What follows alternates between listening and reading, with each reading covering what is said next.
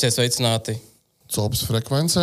Jā, kārtējā epizode. Šoreiz mums uh, īpašs viesis, teorētiķis, uh, ļoti tehnisks cilvēks, uh, kurš var ļoti daudz un uh, smalki pastāstīt par uh, darba rīku, uh, kurš ir nepieciešams jebkuram sportistam, makšķerēšanas sportistam. Bez polas droši vien mūsu uzvaras nav iespējams. Jā, sveiki! Paldies, ka uzaicinājāt. Prieks pie jums šeit būt. Tiešām foršs podkāsts, ļoti patīk klausos un jauki arī šeit atrasties.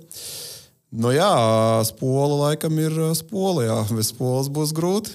Kaut gan noteikti pludiņš tēlē ir disciplīnas, jā, kur nevajag spolas, un, un, un, un, bet nu, pamatā jau spola vajadzīga.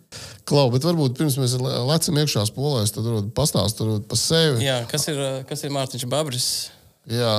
Ar ko tu nodarbojies? Kāda ir tava ikdiena? Man ikdiena ir uh, darbs parastais. Kā visiem cilvēkiem ir, ir savs, savs biznesa, savu darbu, savas lietas. Ja, bet, um, nu, protams, nenoliedzami cope vispār kā tāda. Tā ir um, diezgan liela manas dzīves sastāvdaļa. Uh, nu, teiksim, ja mēs skatāmies no kaut kādas seno dienu perspektīvas, protams, tas ir kā jau daudziem. Uh, Bērnība tas ir, tas ir vecāki. Ja. Man ģimenē ir tā, ka pa tēva līniju visi ir bijuši copmaņi. Nu, cik mēs zinām, vismaz jā, vairākās paudzēs. Jā, visi ir bijuši, un uh, arī mans tēvs joprojām ir nu, rīktīgi tas kaislīgs copmanis, cik viņam veselība atļauj. Ja.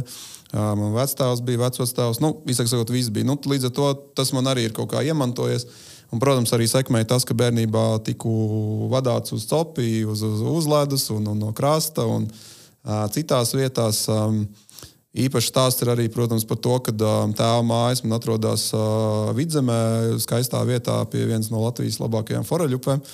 Un, attiecīgi, tāpēc man ir tā, ka teiksim, tā, tie lašveidīgie un tās foreles tās tomēr ir tās pamata zivis, pamata zivis sugas, kas iet nu, cauri visai manai dzīvei, varētu tā teikt, ja, uz ko es pamatā bāzējos. Uz, uz kur uh, burbuļs sākas upe? Burts V. vairāk, vairāk neteiktu. Palielam jau tā, ka nā, tur, nu, tur pa to upi tur es domāju, ka jebkurš normāls forelists viņš viņu zina. Un, un, un, un, un, un, un, ir bradājis. Simt punktus esmu pārliecināts, jo tā tiešām ir viena no Latvijas labākajām upēm. Labi, par, bet, teiksim, ar makšķerēšanu tad sāk no jaunas bērnības. Kas bija tas, teica, ziema, kur vēl uh, foreles, kas vēl? Jā, foreles, ziema. Nu, tās man pamatā nodarbojas, nu, kā nodarbojas makšķerē ar pludiņiem. Pludiņš tagad viņš pēdējos gados uz feeder diezgan daudz, tad viņam vēl bija tāda interesanta tēma, kā, nu, es nezinu, cik interesanta, bet uh, ķeršana ar uh, dzīvo āsmu ziltiņu, ja, ka to laikam varēja, es nezinu, vai šobrīd vēl to var, bet nu, kaut kādus gadus atpakaļ to vēl varēja darīt. Nu, lūk, un, tad es gāju viņam vienkārši līdzi, un tad nu, sēdēju, skatījos. Ja. Man personīgi, kāpēc man šis neaizrauja? Tāpēc, ka es esmu tāds cilvēks, ka uh, es nevaru statiski būt uz vietas. Nu, man tas nav variants priekš manis. Ja. Man ir kaut kas ir jākustās tam ritmam, kaut kādam jābūt, kaut kādai kustībai. Un, uh, nu, Varbūt tā nav, bet man tā liekas, ka pludiņa arī tā, nu, tu tur iemet, teiksim, jā, iebaro un tu sēdi. Uh, Nu, tur ir sava romantika. Nē, tur ir sava romantika. Es pilnīgi piekrītu. Un, uh, es uh, pat dodu varbūt, tādu iespēju, ka es būšu nu, vēl krietni vecāks. Jā, varbūt tiešām es uh, kādu spinningošanu, kā monētu reku iemetam, pasēžam, tur nezinu, padomājam par dzīvi. Es domāju, tādā ikdienas sopē pludiņš noteikti varētu būt tāds čilaks, ja, bet, jā. ja mēs runājam par sportisko pludiņu, tad viņš noteikti ir viens no aktīvākajiem. Lai gan skaidrīt, protams, apkārt nevajag. Ja, to, es biju dzirdējis, jā, par... dzīves skaits un uh, viņš ir salīdzinot arī izmērs ir salīdzinoši neliels, un uh, tas, tas tēmas ir milzīgs. Vienkārši milzīgs. Viņi simtiem zivs noķer tā, respektīvi, tā sesijas laikā. Un, uh, Es domāju, tur aizgarlokoties vai aizmigt, tur vienkārši nav iespējams. Jā. Bet ikdienas copē, protams, ka nu, tas, tas nav stāvēt un uh, laivā vai, vai skraidīt gar, gar, gar krastu. Jā, tas savādāk. Jā, es biju dzirdējis no nu, jūsu iepriekšējiem podkāstiem par zīmju izmēru un skaitu proporciju. Tur, mm. nu, tur ir interesanti. Uh, un, uh, noteikti tas ir ļoti teiksim, bagāta pieredze sporta, makšķerēšanā, makšķerēšanas sportā. Varbūt var pastāstīt tās disciplīnas, kuras izmēģināju savus spēkus un kaut ko arī sasniedzis. Jā, Jā. Iz, izējām cauri katrai disciplīnai, kur tu tur esi īsti darījis. Un... Ar sportu ir tā, ka nu, gribētu teikt, ka pieredze man ir diezgan liela. Kaut kādā brīdī, nu, tad, tad, kad man tā copa, jau nu, teiksim, nu, es arī paliku vecāks, attiecīgi, protams, tā copa teiksim, auga plašumā. tas, ko es visu darīju, kaut kāda interese arī man raisījās. Un es pēc dabas esmu tāds cilvēks, man ļoti patīk, ka nu, teiksim, dažādas lietas izzināt, saprast, kaut ko atrast, kaut ko neatrast, izdomāt vai, vai, vai, vai izrunāt tādā veidā. Um, kaut kā attīstīt arī sevi līdz ar to. Tad arī copi gāja tajā gultnē un, protams, kaut kādā brīdī radās sportiskais azarts. Bet kad, kā, kā tu tur īsti nokļuvi sportā? Uh, sportā viss sākās ar to, ka uh, nu, bija, bija kaut kādas jau paziņas, kas bija tajā laikā sporta aprindās, un bija kaut kādas runas, ka varētu mēģināt. Nu, vēl, plus vēl jāsaprot, ka tas ir, uh, ir kaut kādi 2000. Es nezinu, nu varētu būt uz kaut kādiem desmito gadu, plus mīnus varētu būt. Ja? Un tajā gadā nu, tas top sports Latvijā bija nu, savādāks, maigi sakot, nekā viņš ir šobrīd. Uh, Un tad Kādā arī ziņā tam zemāks līmenis, vai jā, es negribu teikt, tehniski ka... mazāk aprīkots, vai kas cits. Mazāk dalībnieku. Tā, es, es, eh, es negribu teikt, ka tas līmenis bija sliktāks, bet viņš vienkārši bija savādāks sacensības. Tur bija ļoti daudz disciplīnas, kur vairāk bija, nu, ja mēs tā varam teikt, tusiņš. Ja? Nu, tas bija tusiņš ar sporta elementiem. Nu, ka, pieņasim, tur sabrauc tur cilvēki, pazīstami čomi, tur vakarā ir, es nezinu, tur kaut kāds tur gaļa, tur kaut kas, kaut kas. Ja? Ugunskurs. Jā, romantika, viss, viss, viss lietas. Ja? Un no rīta, un no rīta atkal viss iekāp laivās, iebrauc ezerā vai vienalga iet upē vai kur. Ja, kaut ko noķer, kaut ko izdara. Atkal pirmā diena beidzās, vakarā atkal viss tiek izvilkts ārā. Nu, Restīvi atkārtojas divas dienas šādas Vec, pasaules. Vecais romantiskais sports. Jā, un sāku īstenībā es ar sacensībām, kas vispār nebija čempionāta līmenī. Tie bija tādi vietējie, vietējie mači, teiksim tā. Īpaši man patika Rīgas mednieku makšķernieku biedrība. Tajā laikā man liekas, Jānis Tikuts viņiem bija tā kā um, tā kā, tā kā priekšnieks, vadītājs. Kurā, viņi, kurātājs? Jā, viņi rīkoja tādu spinningošanas disciplīnu kā divcīņa. Uh, viņa notika gan Angūras ezerā, gan uh, Babītas ezerā. Uh, īstenībā ļoti interesanta disciplīna, tāpēc, ka viņi sastāvēja no diviem posmiem. Bija gan copa, kas ir praktiskā, ja tev jācepē, un otrs posms, kur tu otrs kā, nu, sastāvdaļa, kur tu varēji dabūt punktus, bija kastings. Pat cik Jānis Tikuts, nu, mēs visi zinām, mums ir Padomju Savienības un Latvijas lielmeistars, jā, nu, tur viņam kastinga disciplīna tuvu. Nu, lūk, un tad bija interesanti, jā, jo tad nu, viss sabrauc komandā, saķēra zīves, uh, sasvēra zīves, jo tajā laikā nu, visu veidu krastā. Uh, viss saķēra, sasvēra, un pēc tam viss stājās ar saviem kātiem un rādīja, cik ļoti mēs mākam precīzi mest. Uh, Um, tās bija tādas uh, interesantas lietas. Tas bija tas, kur tu sāki atcerēt. Tas, nu, tas, bija viens, tas bija viss spinning, bija sāku visu spinning. Tie bija viena no mačiem. Bija vēl kaut kādi mazāki lokāli, pavisam kaut kādas sacensības tajā laikā. Cik sen tas bija? Nu, es saku, tas bija kaut kāds, man liekas, 2010. gads, varētu būt kaut kāds 2009. aptuveni, plus mīnus. Ja? Un, uh, tad, uh, Jā, un tad bija paralēli notika tāda lieta, ka, ka mums bija Latvijā, nu, joprojām ir žurnāls Ops lietas, viņiem tajā laikā attīstījās ļoti strauji šis fórums, viņa internetu fórums, un tad arī tur veidojās tāda zināma cilvēku komūna, ar ko mēs tur, nu, tā kā, grubi sakot, čupojāmies visi, jā, un tad mēs rīkojam kaut kādus savējos iekšējos, nu, tādas sacensības un tādas štēles. Un tad kaut kādā Mi veidā. Mikromačus. Mikromačus tieši tā.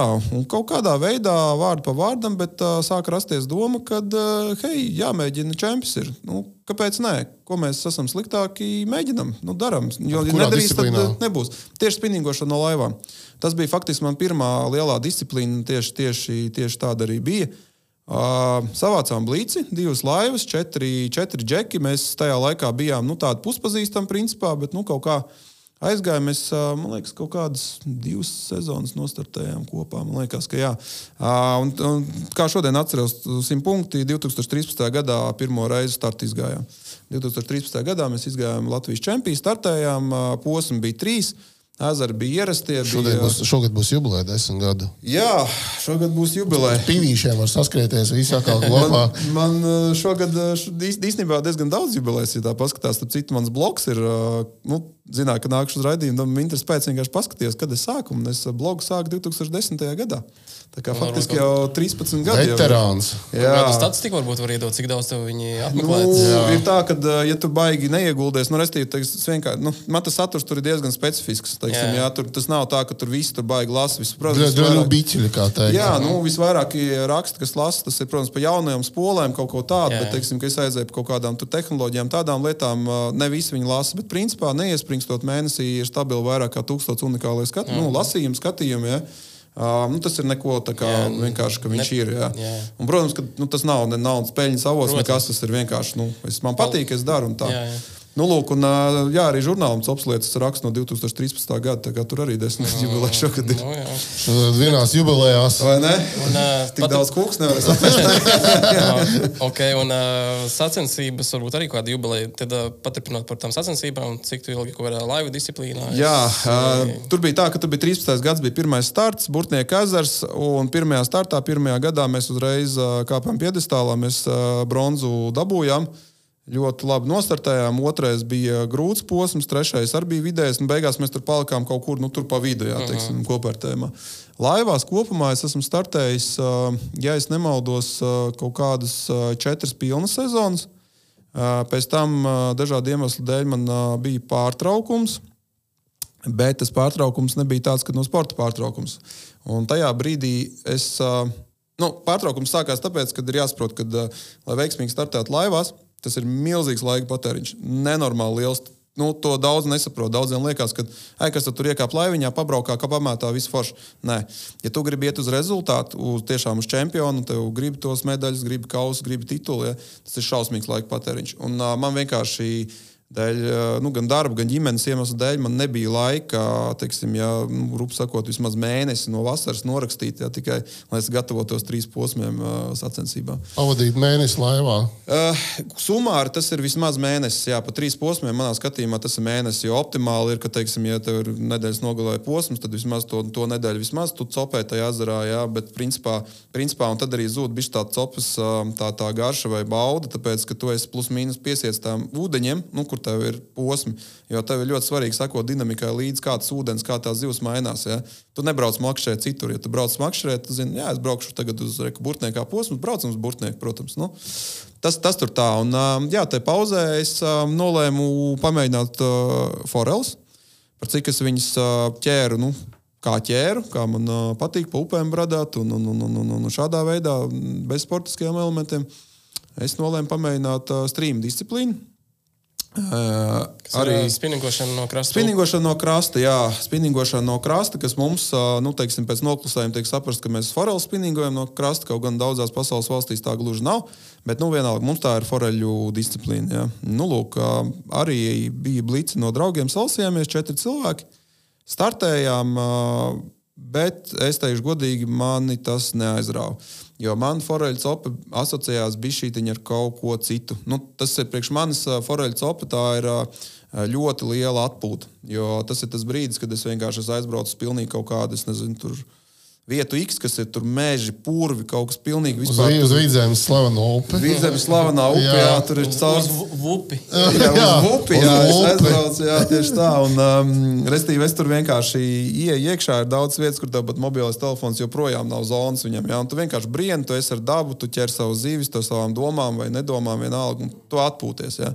Uh, tas priekš manis ir forels. Un uh, sacensības to visu tā kā bojā. Ja? Tāpēc es, tāpēc es pamēģināju, bet sapratu, ka nē.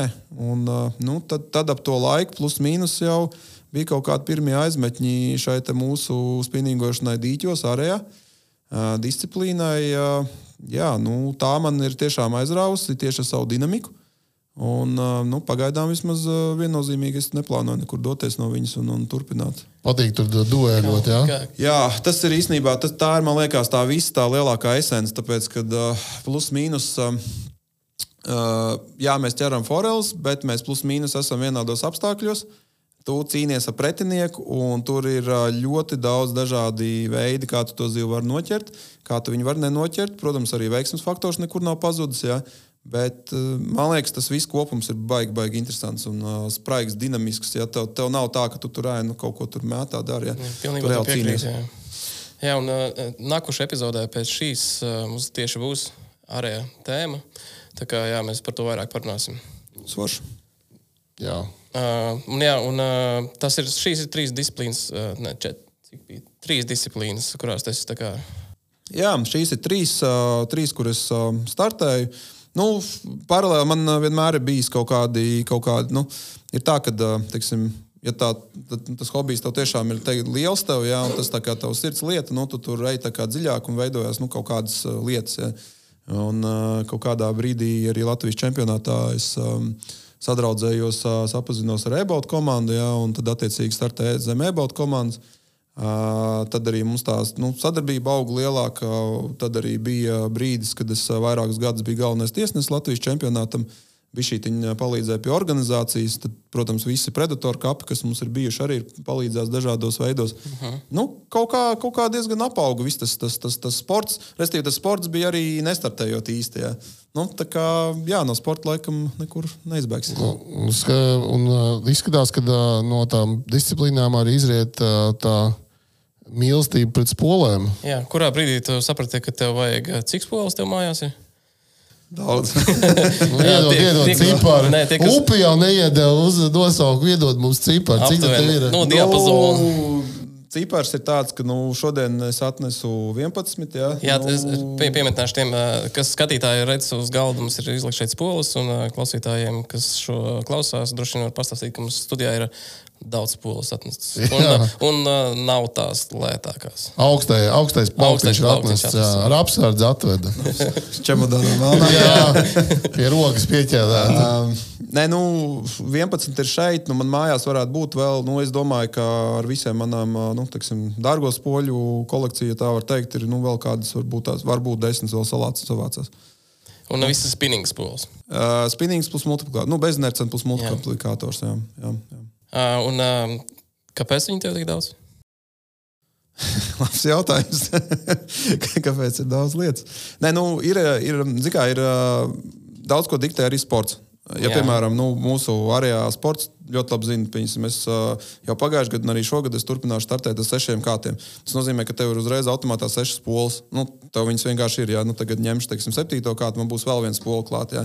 Uh, tas tā ir viena lieta. Uh, otra lieta ir tāda, ka. Um, ir jāsaprot tas, tā, tas ka uh, tomēr ir um, kaut kādām tehnikām ir spoles, kas ir piemērotākas un kas nav piemērotākas. Vai pēc izmēra, vai pēc uh, konkrētiem arī modeļiem, modeļu līnijām, kas ir kaut kādiem konkrētiem zīmoliem. Ja? Jo nu, nav tā, ka uh, ir ļoti daudz cilvēku, kas arī man nu, teksim, jautā kaut ko. Viņš saka, ka nu, es tur nopirku teiksim, to un to spolu, un es tagad ar viņu eju tur mētāt big bites. Ja? Nu, es viņam saku, nu, draugs, mīļais, tas ir baigi forši. Tad, kad tu pamātās Big Bites mēnesi ar viņu, ja, tad tu to spolu izmetīsi miskastē ārā. Nu, restīvi, vienkārši viņa nav tam domāta, tam piemērota. Ja. Un, uh, man jau arī līdz ar to ir, man ir spola, pieņemsim, ko es lāšus ķeru, man ir tur, pieņemsim, kas man patīk džigam vairāk. Man ir, pieņemsim, Big Bite mūls, man ir mūls, kas ir vienkārši Twitcham, man ir mūls, ko es, pieņemsim, upē ķeru forels. Jā, ir arī tāda multa. Tā kā, nu, mm, dažāda, dažāda gradācija. Nu. Atgriežoties pie tā jautājuma, ko Renārs prasīja par uh, kā, tu, nu, kā sākās tas spoļu fetišs? Nu, kad, Jā, kad, kurā brīdī, kad, saprat, kurā tev... brīdī tu tā? Nu, nē, nu man te nē, divas, nē, vajag 20 tomēr spoles. Katrai, Kad... katrai kustībai vajag savu spolu. Jā. jā. Uh, viens, nu, kā, tas tas viss vis viens otru dzēnu uz priekšu. Teiksim. Protams, ka tas sākās arī tādēļ, ka parādījās vairāk spinīgi.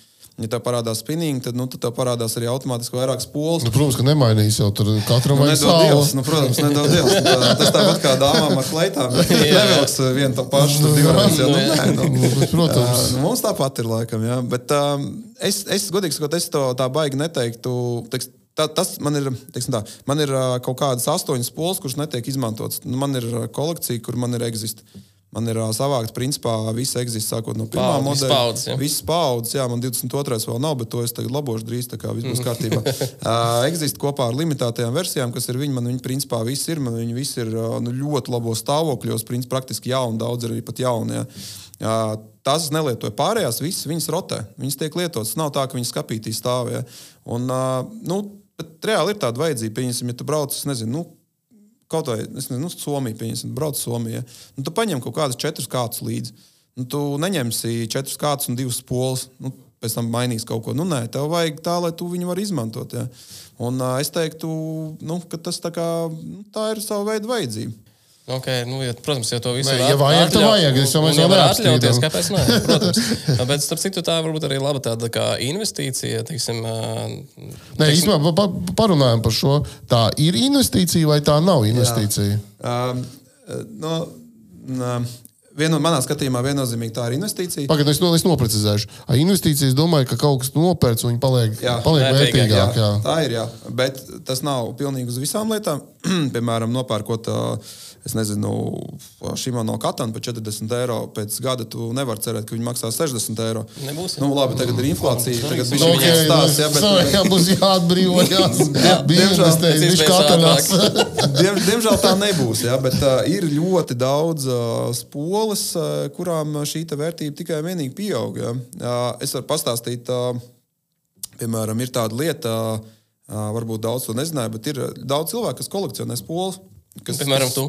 Jā, jā, Jā, bet, piemēram. bet, bet es, es neesmu tas uh, nu, trakākais gadījums. Man ir piemēram, daudzi, nu, man daudzi paziņas no Vācijas, piemēram, ir, ja, vai no Japānas. un Es zinu, ka viņiem tas Poļu ir. krā, ā, kolekcionāru klubiņā. Var arī tā teikt, jā, es nezinu. Oficiāli tāda iestāde nav, bet, bet ir tāda. Ir, piemēram, vispār Āzijas zemēs cilvēki ļoti tendēti uz, uz kaut kā kolekcionēšanu, un viņi arī meklē dažādas. Uh, Nu, piemēram, tāpēc Japānā ir tā, ka uh, spoles ir ļoti daudz veselu čupu visādām limitētajām vai ierobežotu skaitu izlaistām versijām. Ja? Tā tas limitētā versija var izpausties tā, ka tev, piemēram, eksistē nevis nezinu, sudraba krāsā, bet viņš, piemēram, melns. Ir. Un tev tā jau uzreiz ir limitētā versija, tāpēc, ka viņi tiek izlaista mazākā skaitā. Uz defaultā jau viņai cena ir augstāka. Nu, īsāk sakot, viņi ir īpaši spoli. Ja? Un uh, ir ļoti daudz cilvēku, kas nu, vienkārši dzenās pēc tam spolēm. Un, uh, jā, man ir, piemēram, manai eksistē daudz, kas ir, kas uh, šobrīd maksā, teiksim, vienu spolu nu, kaut kādā 800-900 eiro. Ja, ka, teiksim, tajā pirkuma brīdī viņi maksāja nu, 500 ja, vai 600. Nu, viņam jau tā vērtība kāp. Un viņa, nu, es esmu 100% pārliecināts, ka viņi nekritīsies. Ja. Uh -huh. Tas nozīmē, ka teiksim, bērniem mantojumā var droši atstāt, un viņiem būs kaut kāds kapitāls nākotnē. Viennozīmīgi. Ja, ja zinu, ko atstāt, tad jā. Tad, tad, tad, bet tas ir daudzām lietām. Ir, ā, pieņemsim, mm, Tas ir nedaudz arī paskaidrojums priekšā, nu, kāpēc es izvēlos tomēr tādas nu, prēmiju vai dārgāk gala polas. Uh, Protams, ka uh, tā mūžīgais jautājums ir, nu, kādu spolu izvēlēties, ja, bet uh, skaidrs, katram ir savi limiti, savu budžetu. Nu, katrs tērē, cik grib viņš Jā, savu hobiju. tā ir, jā. Dārgajām spolēm, kas ir labi, nerunājot par visu kvalitāti un vispārējo, ja, kas, kas, kas, viņam, kas viņām ir, ir tas, ka viņas vienkārši nezaudē savu vērtību. Viņas iztur ilgāk, un tev tā, nu, tu to, ja tu gadījumā pat gribi to spolu pārdot, tu zaudēsi mazāk. Ja pieņemsim, lētā gala spolu pārdot, nu, tu nevarēsi tur, es nezinu, tur, tur kaut kādiem tur reiz divi vai kaut vai 20% dārgāk, kā tu viņu nopirki. Ja? Turpretī prēmijas spolu var, jā, to var izdarīt. Nu, tur ir dažādi ka tas ir momenti. daudz visādai tehnikai. Nu, tam mašīnām, man liekas, ir kaut kas. Jā, mašīnām tas ir, man liekas, nu, arī savā ziņā biznesa saistīts ar to ļoti labi zinu. Tas ir īpaši izteikts. Jā. Ir, ir mums daži ražotāji, jā, kuriem nu, atlikusī vērtība ir super augsta, ja citiem krietni vairāk viņi krītās. Tā ir vienkārši. Um, jā, tad uh, es nezinu, varbūt uh, pārslēdzamies tādu praktisko pusi. Un, uh, Jo mēs šodien ļoti daudz runāsim par spolēm, un arī niansēs tā Kā, jā, Jā. Esiet gatavi. Jā, Klau, kā pareizi izvēlēties uh, spolu? Un, uh, es saprotu, ka tas ir at, ļoti Vien- būtiski, ir, ka tev ir uh, disciplīna, kurā tu ar to spolu taisies uh, darboties. Jā, uh, bet uh, noteikti ir vēl kaut kādi parametri un uh, pastāst mums, kā lai pareizi izvēlās Es, spolu. es pieminēšu no savas puses, uh, droši vien tā ir pirmā rocība. Nu, teiksim, cilvēks, kas nevar atļauties dārgus poliņus, nu, Nu, tieši tā, tas, tas ir. ā, Maciņa biezums. Jā, nu, noteikti, protams, Jā. daudz, nevar atļauties tā. tieši tā, tas ir. Nu, es teiktu, tas tā pamatlieta, protams, ir tā, ko es ar viņu darīšu. Kādu, Jā. kādu mānekļu, teiksim, kādu zīves ķeršu, jā, vai kādā tehnikā es ķeršu to spolu. Un otra, plus, otra puse ir budžets. Nu, cik es varu atļauties jā, teiksim, tērēt. Un, uh, pēc tam, pēc tam es, es teiktu, tā, ka šīs lietas ir pašas svarīgākās. Pēc tam, kad ja cilvēks šo saprot, tad viņš jau var izveidot, nu, nosacīt, izējot no tā budžeta kaut kādu, nezinu, sarakstu. Ja, un viņam ir tur pieņemsim, nezinu, nu, piecas polas. Nu, tad, ā, tad ir vairāk variantu. Uh, variants, ko daudz cilvēki praktizē pie mums, tas ir ā, nu, tāds ā, slinkais variants, ka viņi vienkārši staigā pa veikaliem un kolekcionē viedokļus. Nu, kurš tad pārdevējs vairāk viņam vai labāk pastāst par to spolu uh -huh. un pārliecina viņu, ka viņam tieši šī ir vajadzīga. Bet ir tādi, kas meklē. Uh, nu, kas būtu būt jāpievērš, kas būtu jāpievērš uzmanība? Teiksim, uh, kā jau minēju, ļoti svarīgi, ļoti daudz kas atkarīgs no tehnikām. Uh, Ja mēs runājam par spinningošanu, tad uh, mums ir, teiksim, ir tehnikas, kuram ir maza slodze uz spolu kā tādu. Ir tehnikas, kurām tā slodze ir teiksim, liela vai ļoti liela. Ja?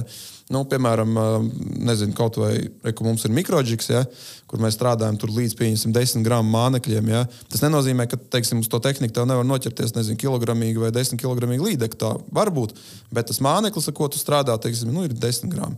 Uh, otrā pusē mēs varam pielikt džerku. Kur viens mākslinieks sver 150 gramus, 200 gramus, ja, vai pieņemsim, šobrīd entos gadus jau Big Bats ir Latvijā topā. Jā, tur ir mākslinieki, nezinu, 40 centimetrīs gumijas, kuras sver pat 300 gramus. Nu, tur milzīgi vienkārši štēls. Un mēs nu, būtu jāsaprot, ka tur tos poli, ko tu tur tos 10 gramus tur, tur, tur džigo, ja tu īsti nevari viņam Big Bet likt galā. Jā. Nu, tu to vari darīt, ja, bet nu, rezultāts būs bēdīgs. Nu, lūk, īsāk sakot, mums ir jāsaprot par tehniku. Ja tas ir, ja tas ir teiksim, džiks, ja, tad es teiktu, ka tā spola lielākā daļa no tādām vidēji budžeta spolēm der. Tāpēc, ka šobrīd arī tehnoloģiski ir tā, ka es teiktu, tā, ka šis prēmijam dārgais gals dēļ dažādiem iemesliem, gan dēļ pandēmijas, kas mums bija divus gadus, pat trīs faktiski Āzijā, ja, gan dēļ vēl dažādiem faktoriem, viņš varētu teikt, ir tā nedaudz iebuksējis. Jo teiksim, bet, nu, es ļoti sakoju līdzi, ka Japānā notiek šīs izstādes, jā, jo Japāna ir faktiski lielākā vispār copas industrija, inventāra industrijas ražotāja vispār tirgus milzīgs tas ir. Jā. Un tieši viņi faktiski diktē modi, kāda ir, ko mēs ķeram un kā mēs ķeram. Jā. Um, sekoju līdzi šīm izstādēm Yokohamai un Osakai, kas tieši tagad beidzās Osakā ja ne, nesen. Viņas katru gadu sākumā notiek. Nu, lūk, pēdējos kaut kādus trīs gadus. Nu, Viņi, jā, viņi parāda jaunu modeli. Tad paskaties, oh, jā, nu, forši, nu, krāsa savādāk, ok. Vēl kaut kas bijis tur minimāli, bet tev nav tāds, tāds wow efekts. Jā, tehnoloģiski nekas nemainās. Jā. Es vienkārši atceros, kā bija, piemēram, kaut kādos tur, tajā pašā 13. gadā, piemēram, bija bija 7. gada certēts, jā, un bija iznācis 13. gadā, 13. gada certēts. Tas bija wow, vienkārši tāpēc, ka tur bija visi šie maksīlēti gultņi ar eļļām, magnētiskajām. Tur bija tas Zion, viņiem jaunais materiāls, kompozīta materiāls, kurš ir rīktīgi izturīgs īstenībā. Jā. Jaunu zobratu veidi. Nu, tur bija tā, ka wow, tev nu, rīktīgi interesanti, ka tas būs kaut kas foršs. Um, Regisistiem tāpat bija ar Twin Power. Nu, Kāda game changer tur parādījās? Jā, tā parādījās. Un tā bija tā, ka, wow, rīktīgi forši, rīktīgi interesanti. Nu, tagad pērkam, mēģinam. Ja? Mm -hmm. Tagad ir tā, nu, nu jā, ok, nu, krāsa cita, ok, nu, tehnoloģija. Nu, jo tā, tā, tā lielā tendence ir tāda, ka uh, skaidrs, ka tā tehnoloģija nu, vienmēr parādās flagmanī, un tad viņi krīt uz leju nu, pa to sēriju. Ja? Un šobrīd ir tā, ka uh, daudzas tehnoloģijas, kas bija pieņemsim trīs gadus atpakaļ stēlai, šobrīd jau ir pieņemsim šīmans izmantos polēs, kuras plaukta cena ir nu, ap 120 eiro kaut kur. Ja. Nu, Restīvi, tā, tā spole, nu, kā pasaka, tā tehnoloģija paliek lētāka. Ja. Vienkārši nu, tā ir. Un vēl viena tendence, ko var novērot jau arī kaut kādus, nu, pieņemsim, četrus gadus, ja, ir tas, ka, nu, pieņemsim, šogad arī šogad prezentēja, šogad prezentēja Daiva jauno jauno eritīs poliju. Kas, nu... Par to mēs parunāsim drusku vēlāk. Ja? Labi. Par nākotnē. Nē, nu, es, es, es, vienkārši, es, ne, es vienkārši gribu nu, par to, ka uh, ir tā, ka uh, ir flagmanis, kas ir pieņemsim, prezentēts iepriekšējā gadā, un šogad tiek prezentēta spola, kas ir kā, teorētiski klase zemāk, bet viņa faktiski ir pilnīgi kopija flagmanim. Atšķirība tikai tāda, ka tur pieņemsim viens vai divi gultņi ir mazāk, un cita krāsa. Cenu ziņā viņām uzreiz ir 20% starpība.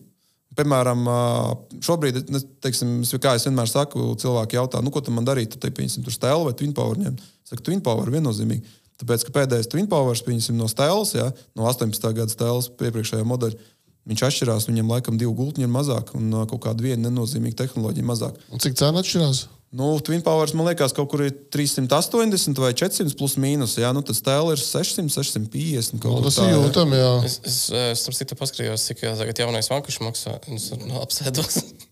Nu, bet viss ir dārgāk. Ja pieņemsim, agrāk, agrāk existam cena bija flagmaņiem vispār cenas svārstījās kaut kur nu, 550, 600, varbūt 650. Ja? Tad tagad tas viss droši ir ap 800. Tas vankuši bija 900.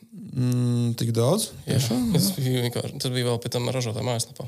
Nu, nē, nu, tā ir vēl viena interesanta lieta. Vienkārši interesējas, var pastāstīt. Japānā viņiem ir joprojām tāda sistēma, kas bija principā Padomju Savienībā, kad klapēja virsū uz visiem iepakojumiem cenu, cik šīs maksā. Un Japāņiem šī ir šo sauc par katalogu cenu.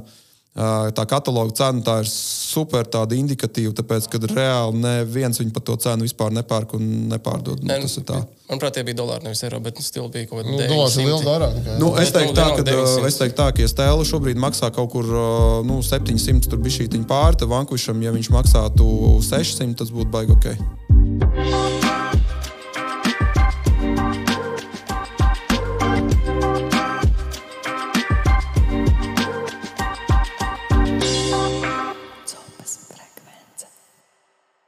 Okay, paturpinot to pašu tēmu par, par to spoles izvēli, ja, kā ir teiksim, ar tiem zīmoliem? Ja? Man bija kaut kāds viens viedoklis, ko es biju dzirdējis, ja, ka ir būtībā tikai divi ražotāji, kas ir Šimano un Daiva, ka pārējie ir tur. Nu, Nezinu, vai nu pakaļdarinātāji, vai paši neražo, vai paši neivonē. Nu, respektīvi, pastāst kaut ko par pa šo nu, par zīmoliem tieši. Konkrēti par zīmoliem. Vai ražotājiem?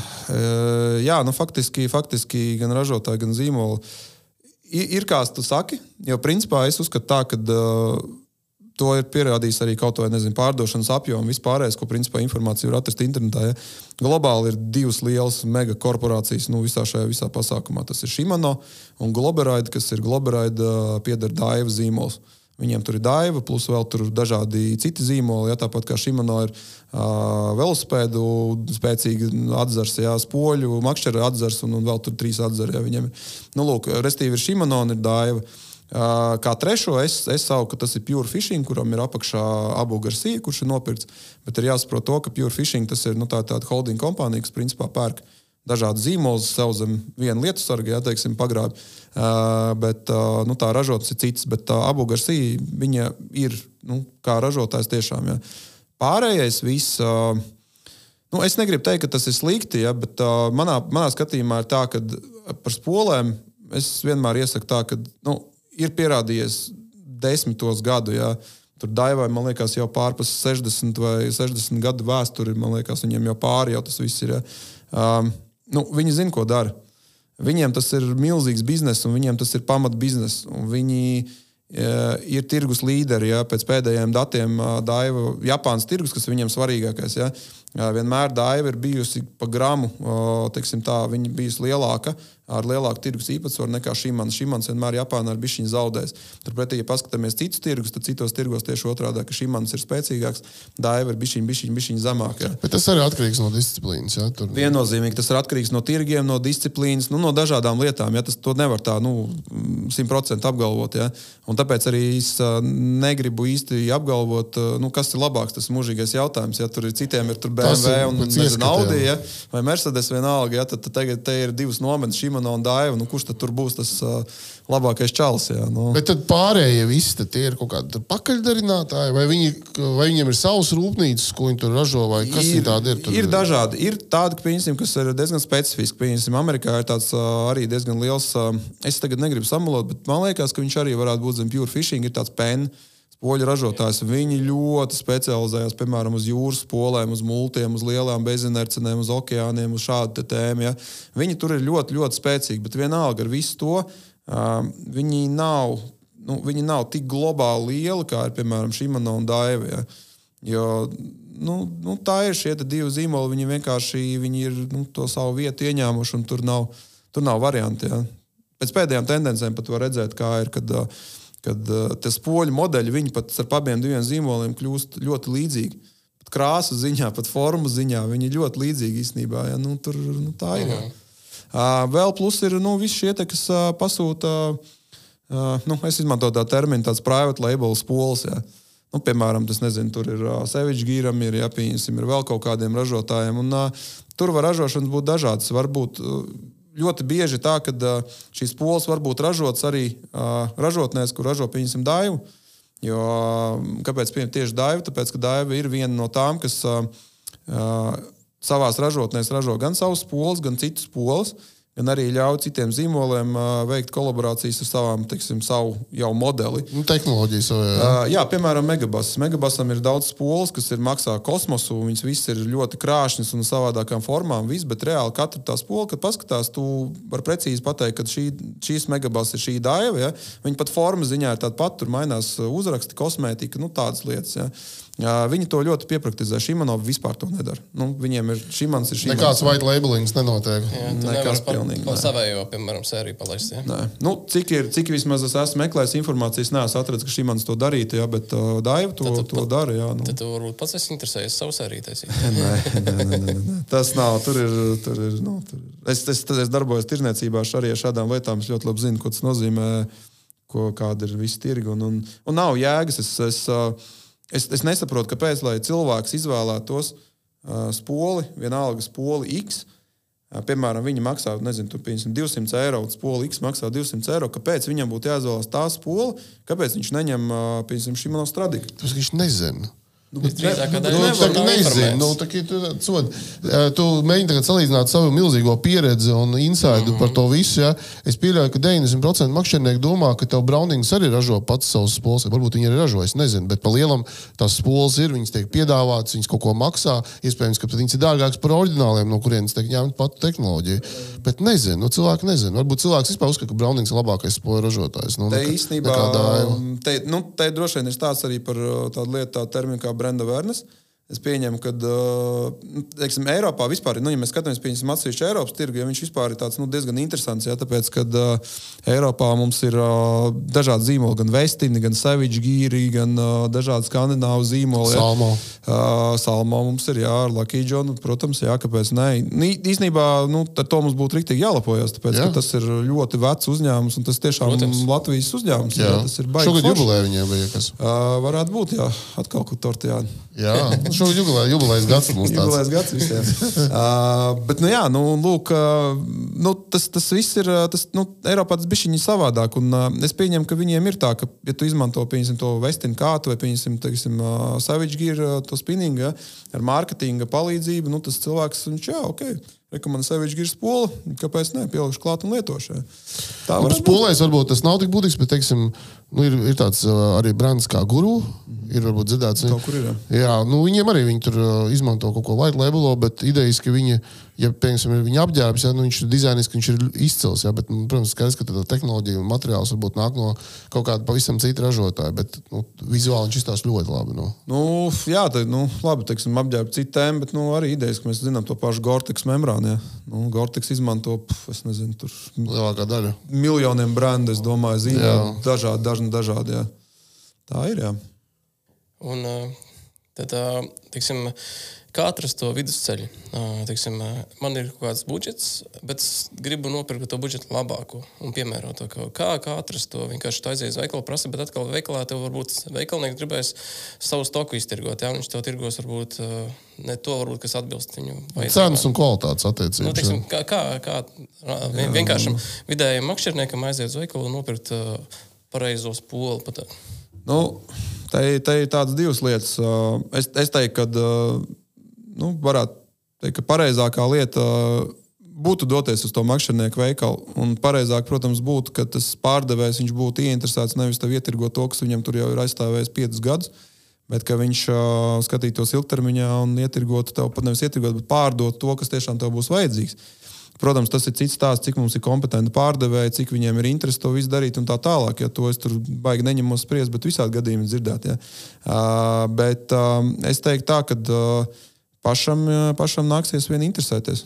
Tur bet, man liekas, ir baigi daudz materiāls YouTube un jā, blogos. Un šobrīd uh, milzīgs apjoms. Es atceros to laiku. Faktiski tas bloks, kāpēc es viņu sāku, es viņu sāku tieši, tieši dēļ tā, ka tajos gados, kad tas viss sākās, informāciju dabūt.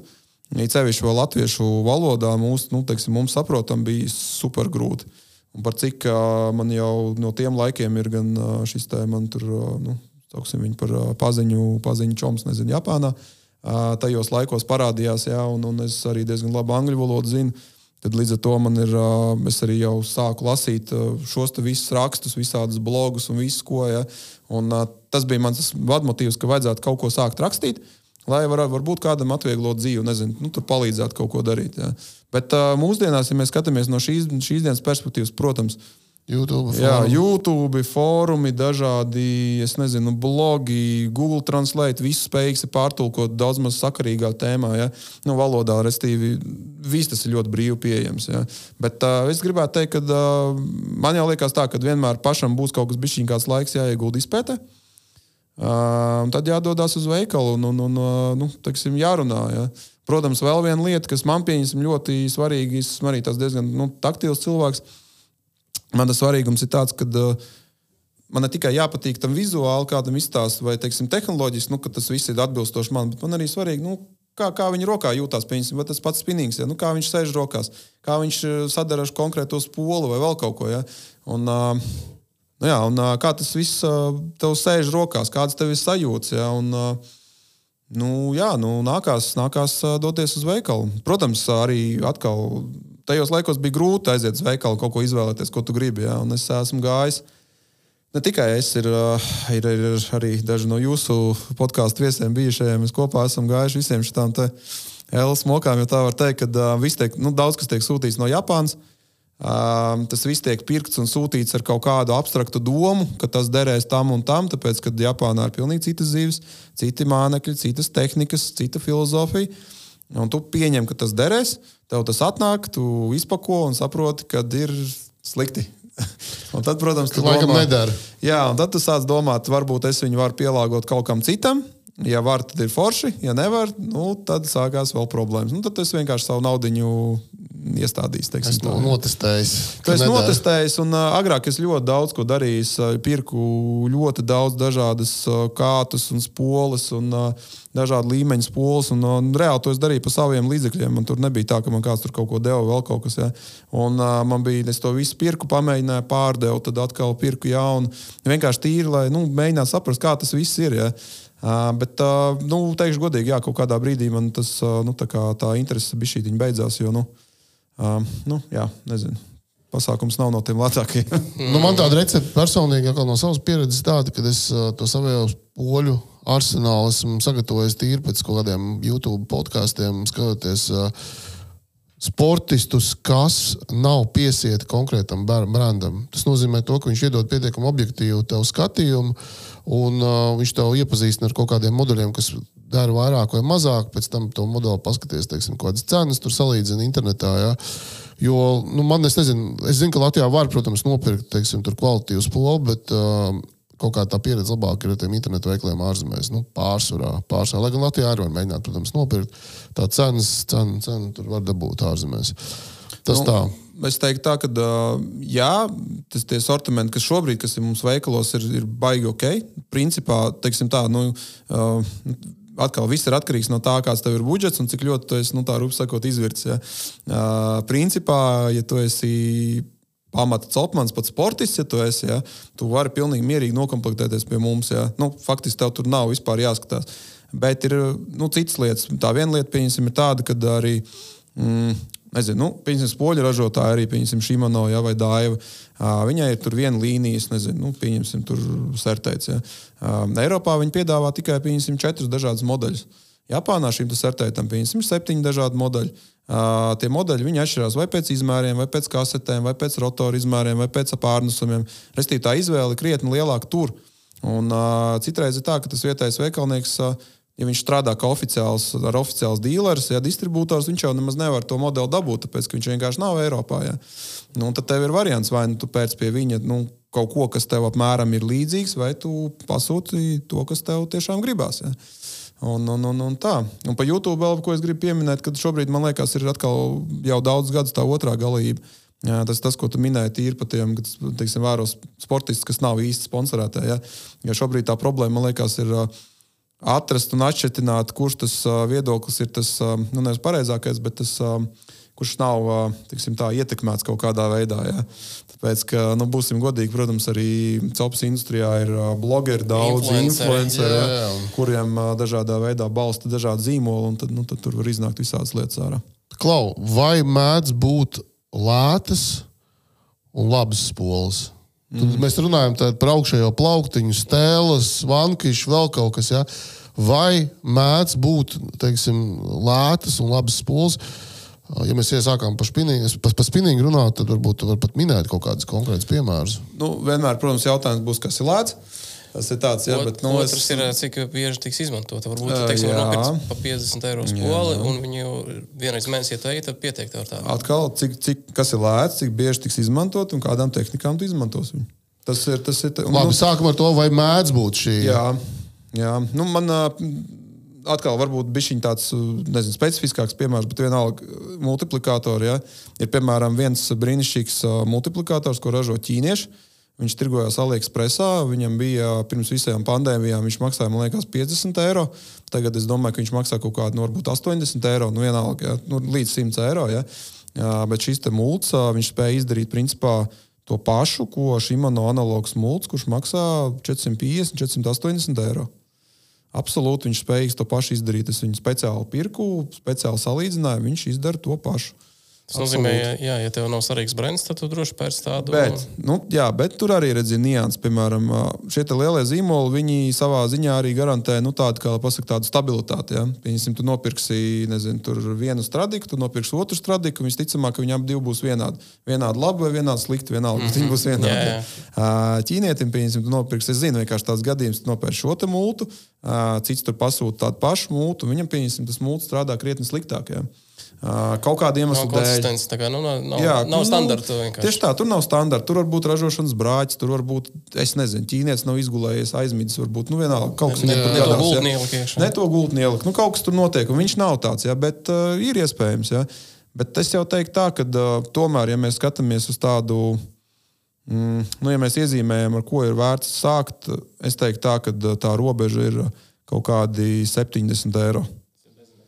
Tas, es runāju par multiem. Nu, par multiem mēs varam atsevišķi parunāt, bet uh, uh, par beznercinēm, ja mēs runājam, es teiktu, ka tie ir kaut kādi 70 eiro. Tā ir tur, teiksim, nezinu, tāds drošs darbs, zirdziņš, jā, tāds uzticams. Tas jau, tas jau sākās, jā, tas ir. Uh, Šimono Sahara vai Šimono Sedona, Daivai tas ir, tā ir Nīņģa. Uh, Daivas LT. Ja? Jo tām spolēm viņām. Viņas gan var lētāk dabūt. Uh, nu, tur bija kaut kāda 60, man liekas, vai pat bišķiņa lētāk. Nu, atkarībā no izmēriem. Ja? Bet, nu, met cenu dažreiz nost online. Jā, nu, tad varbūt tās pat, pat vēl lētāk. Ja? Bet, teiksim, nu, tas būtu tas, ko būtu varbūt jēga sākt. Un es vienmēr ieteiktu izvēlēties šādu spoli nekā kaut kādu naunējumu vai kaut kādu, es nezinu, mazāk zināmu zīmolu vai vienalga kaut ko citu. Ja? Jo tomēr tas Šimano, ka viņš liek to savu Šimano uz pols vai daivu, liek savu daivu logo. Nu, Viņi kaut kāpēc to dara. Nu, nav tā, ka tas ir vienkārši uzprintēts virsū. Ne? Es atzīmēšu mūsu klausītājiem un skatītājiem, ka mūs nesponsorē ne šim no nedāļu. Esam absolūti neatkarīgi vispār. no jebkāda ražotāja. Jā. Šeit ir subjektīvais viedoklis mūsu viesa. Jā, absolūti. Un, kā jau es arī minēju, visiem ir veiksmīgi modeļi un visiem ir mazāk veiksmīgi modeļi. Tas ir simt punkti. Tas ir visās industrijās un arī COPS industrijā. Tas tā ir. Tad būtībā nu, tāds, no praktiskās puses Daivai tā varētu būt nīnza. Un, tā varētu būt sākuma komplekta, tāda cena, cena kvalitātes atšķirība, labuma. Ja? Jā, nīnza, un, tā un, un Šimano, kas tas ir? Sedona, Sahāra. Tas ir, tas ir tāds, ar ko teiksim, tas entry levels. Ja? Tas absolūti tāds, man liekas, kas, kas ir tā baigi. Nu, Nezinu, angliskais uh, termins sweet spot būs, ja bija šī tiņa, ka tur virs 100 eiro. Es teiktu tā, ka tas ir Šimano Nasci. Tas ir absolūti superīgs pole ar uh, visām Hagana iekšām un korpusiem. Un, nu, tur ir ļoti daudz tehnoloģiju. Cenas kvalitāte ideāli. Nu, es teiktu, ka viņi tiešām ļoti, ļoti labi. Ja, vai, piemēram, uh, no Daivas tas būtu Fuego, kas ir nu, varbūt maķinī dārgāks. Fuego vairāk tēmēt uh, uz šim no Ultegras pusi, ja, kas ir, ir kaut kāda nu, no ap 150 eiro. Viņas, teiksim, svārstās Ultegra, man liekas, tagad ir 150. Ultegra, jā, bet uh, Fuego būs tavs ap 90 eiro. Cik 190 eiro? Nē, nē, nē, 90, 100 eiro. Jā, tik labi. Mēs, ar, mēs, mēs viņu feederā okay. izmantojam okay. priekš pikeriem. Jo, nu, idejas, teiksim, nastīja 100 punkti ir, jā, viņam arī viņam ir 90 līdz kaut kādiem, tur, man liekas, 100, 110 plus mīnus tajā līmenī viņas viss ir. Ja? Un uh, tās pols ir tiešām rīktīgi, rīktīgi, rīktīgi ok.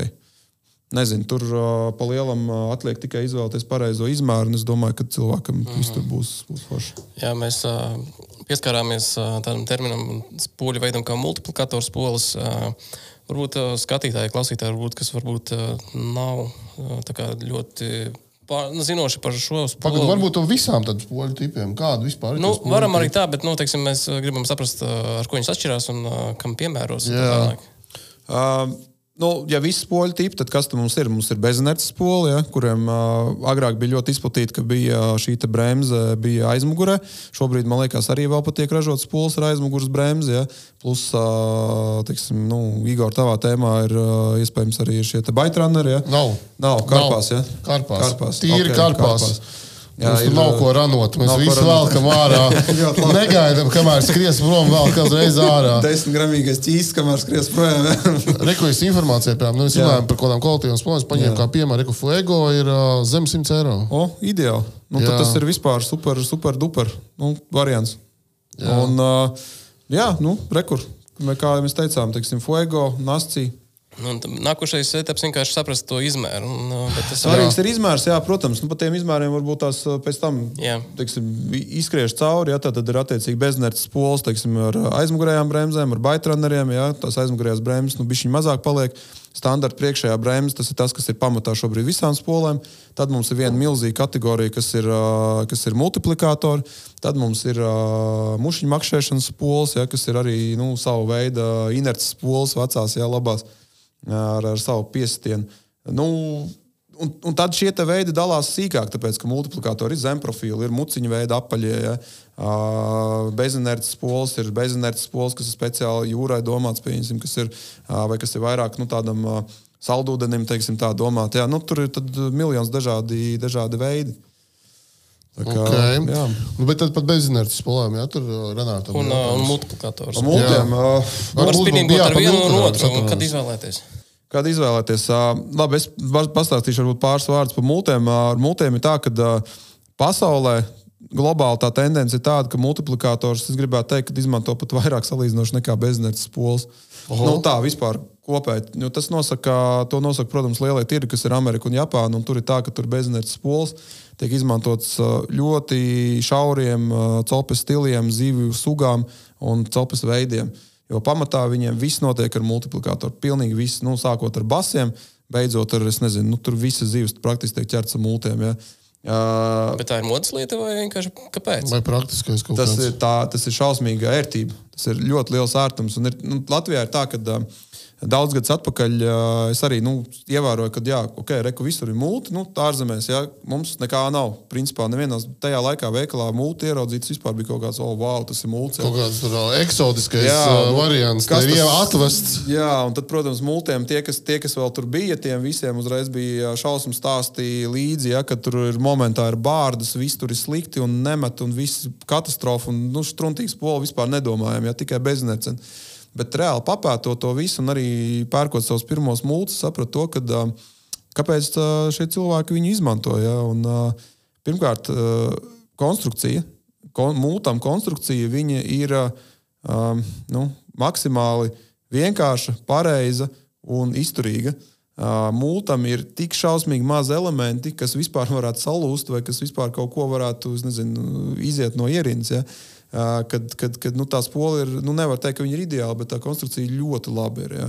Bezinertes spolē pirmkārt jau visu gaisu jauc rotors. Tā ir viena no daļām, kas, kas, kas pirmā sāk iziet no ierīces, un tikko rotors iziet no ierīces, Viņš sāk, sāk jau maisīt arī galvenajiem pārim, tāpēc ka rotors kustās. Viņš kustina, kustina galveno asu, galvenā asa kustina piņonu, piņons kustina galveno zobratu. Restīvi sāk jau viss tā konstrukcija ļodzīties. Ja? Tas pulkstenis izklausās. Jā, nu, nu, principā tā ir. Mūtam viņam, viņam nav, viņam nav ko, ko ļodzīt, viņam nav ko kustināt, tāpēc ka viņam ir rokturs, kurš ir pa taisnu ieskrots galvenajā zobratā, un galvenais zobrats ir ar piņonu savienots ar šo te auglas kaseti. Viss nekā tur vairāk nav. Mm. Ja? Nu, Bet jaunajām tādām, nu, jau, um, tiksim, tiksim, dārgiem solim, tur kaut kāda magnētiskās bremzes, tas viss sats. DC, nu, jā, tās ir bremzes, bet tas ir, um, tas ir kā lai pasaka, tas uh, nekādā veidā neietekmē izturību. Tas, teiksim, ja mēs skatāmies no izturības perspektīvas, ja, tas nekādā veidā neietekmē.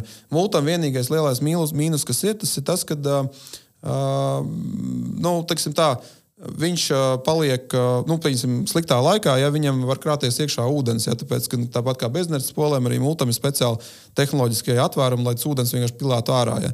Tas ir vienīgais mīnus. Ja. Otrs mīnus viņam mazais ir tāds, ka šī te vieta, kur ir auklis uzklājies, skrien, ja, Šis, tā, šis ir, mhm. viņš vienmēr ir atvērts. Tas nozīmē, ka visi putekļi, smilts, visi strunki tur pieliek klāt vienmēr. Jo viņš ir atvērts un viņš ir sasmērēts ar, ar, ar, ar, ar smēri, attiecīgi viņš ir viegli lipīgs, nu, viss, viss tur pieliek. Pēc tam viņš jātīra, bet uh, multiplikātoru var izjaukt, es nezinu, tur minūšu laikā. Viņi var iztīrīt tur vienkārši minūšu laikā, tu viņu pats iztīri, saliec un viss. Un tev nav tur miljonu skrūvītes, atspēres un visādi brīnumi. Ja. Tā kā konstrukcijas ziņā viņš ir viennozīmīgs. Un uh, topmanim kāds pluss ir.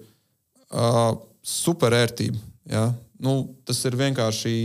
Tas ir, kā tu veic metienu, teiksim, tā piemēram, spinning polē, lai tu veiktu metienu, tev ir, tev ir jāpietur augli, tev ir jāatver lociņš, tad tev ir, es nezinu, ka citi nu, atvēzējās, paskatās vai vienkārši met vienalga. Tev, tev ir process. Mūtam ir, tu nospied, nospied šo taustiņu, atvēzējies un izdara metienu. Visu. Plus vēl mūls ir tā, tā spola, kas strādā uz inerces pamata. Attiecīgi, tie metieni var būt ļoti īsi, ļoti ātri un viņi ir nu, ļoti precīzi. Ja. Tas ir viens no iemesliem, kāpēc, piemēram, upēs lietoja multiplikators. Ko ārzemēs, Japānā tas ir jau sen jau tiek darīts. Mums Latvijā zina cilvēki, kas to dara, bet viņš nav tā pla plaši tā, nu, tā praktizēts. Ja.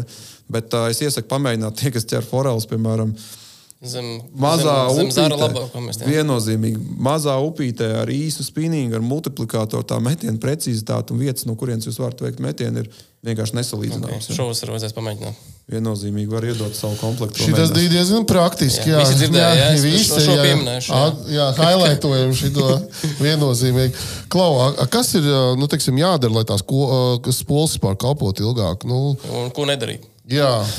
Ko nedarīt? Jā, sāksim ar to, ko nedarīt. Jā, ko nedarīt, jā, ko nevajadzētu darīt.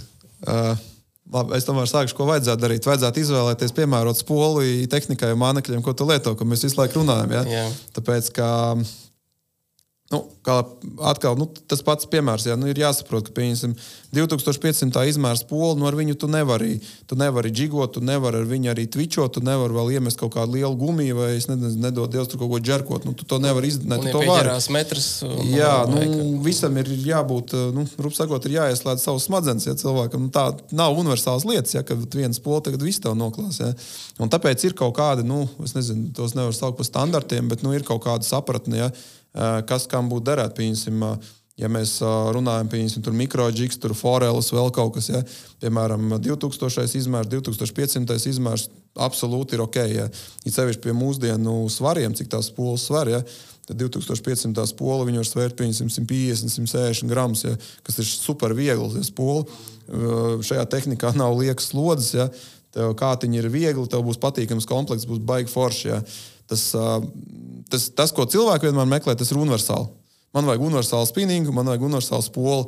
Un, tur, un tas vienmēr tas stāsts, ko man raksta. Nu, es prasu, ko jūs darīsiet. Nu, es tur pamētāšu wobleru kādreiz, tad tur iemetīšu kādu gumiju, kādu rotiņu, šūpiņu. Nu, tas ir latviešu lašos. Pavisam. Tas ir latviešu klasiskais komplekts. Jā, jo es arī cilvēku saprotu, nu, viņš tajā hobijā, viņš, viņam varbūt tas nav katru nedēļu, ka viņš brauc, ja viņš negrib investēt to milzīgo naudu.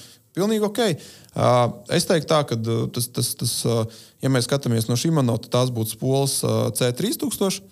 Šis izmērs, ja, kurš ir kompaktais izmērs, ja, kur ir tāds universālais variants. Jā, jā, viņam ir 2500 korpusiņš, bet rotors ar šo auglas kaseti ir 3000. Ja. Viņš ir tāds nu, hibrīd izmērs, kas ir šobrīd ļoti populārs. Viņš ir absolūti ok ja, tādām tehnikām. Vai, piemēram, piemēram no Daiva, ja tagad arī ar LT sēriju 3000C kurš faktiski ir tieši tas pats. Viņiem korpus ir, viņš nav īsti 2500, bet viņš ir samazināts 3000, bet rotors ar augstu kaseti ir 3000. Ja?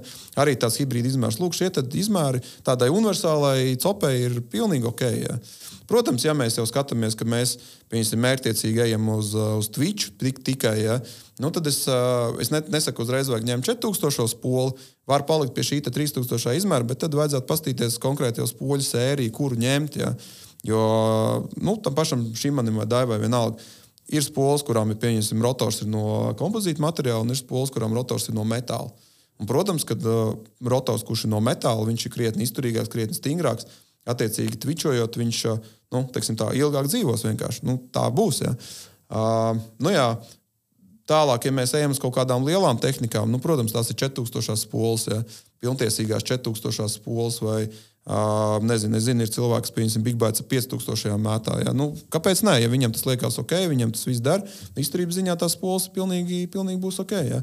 Tā kā Nu, varbūt sākam ar to. Jā, nu. Ka vienkārši piemērojam pareizo spolu pareizai tehnikai. Jā. jā. Uz pols izmēru. Un tad tāpat spola arī kalpos ilgāk.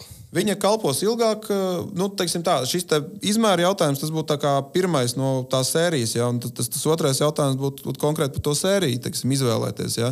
Protams, tā sērijas izvēle atkal ierobežojas no mūsu budžeta. Nu, tas ir tāds konstruktors, ja, teiksim, LEGO tur liekas kopā, ja, bet nu, tā ir, ka, pieņemsim, ir kaut kāds, nezinu, ir, nu, labs piemērs ir, ir Šimano, ir Vanfords, ja, kurš principā ir stradiks atvieglots un ir stradiks. Ja. Un Viņi divas polas, kurām plus mīnus tās cenas, nu, plus mīnus viņas tur līdzīgās cenu kategorijās, ja? bet faktiski tā, tā, tā novirziens būs bijis savādāks. Ja? Jo Stradikam ir uh, metāla korpus ar metāla rotoru, uh, Vanfordam tā nav. Viņš ir speciāli taisīts atvieglos. Līdz ar to pieņemsim stradiku tvičot, ok.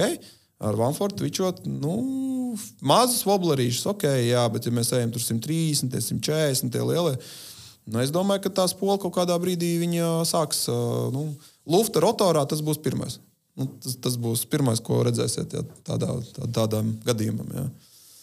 Nu, lūk, un, jā, nu, šādā, šādā veidā mēs tad, tad ejam. Jā.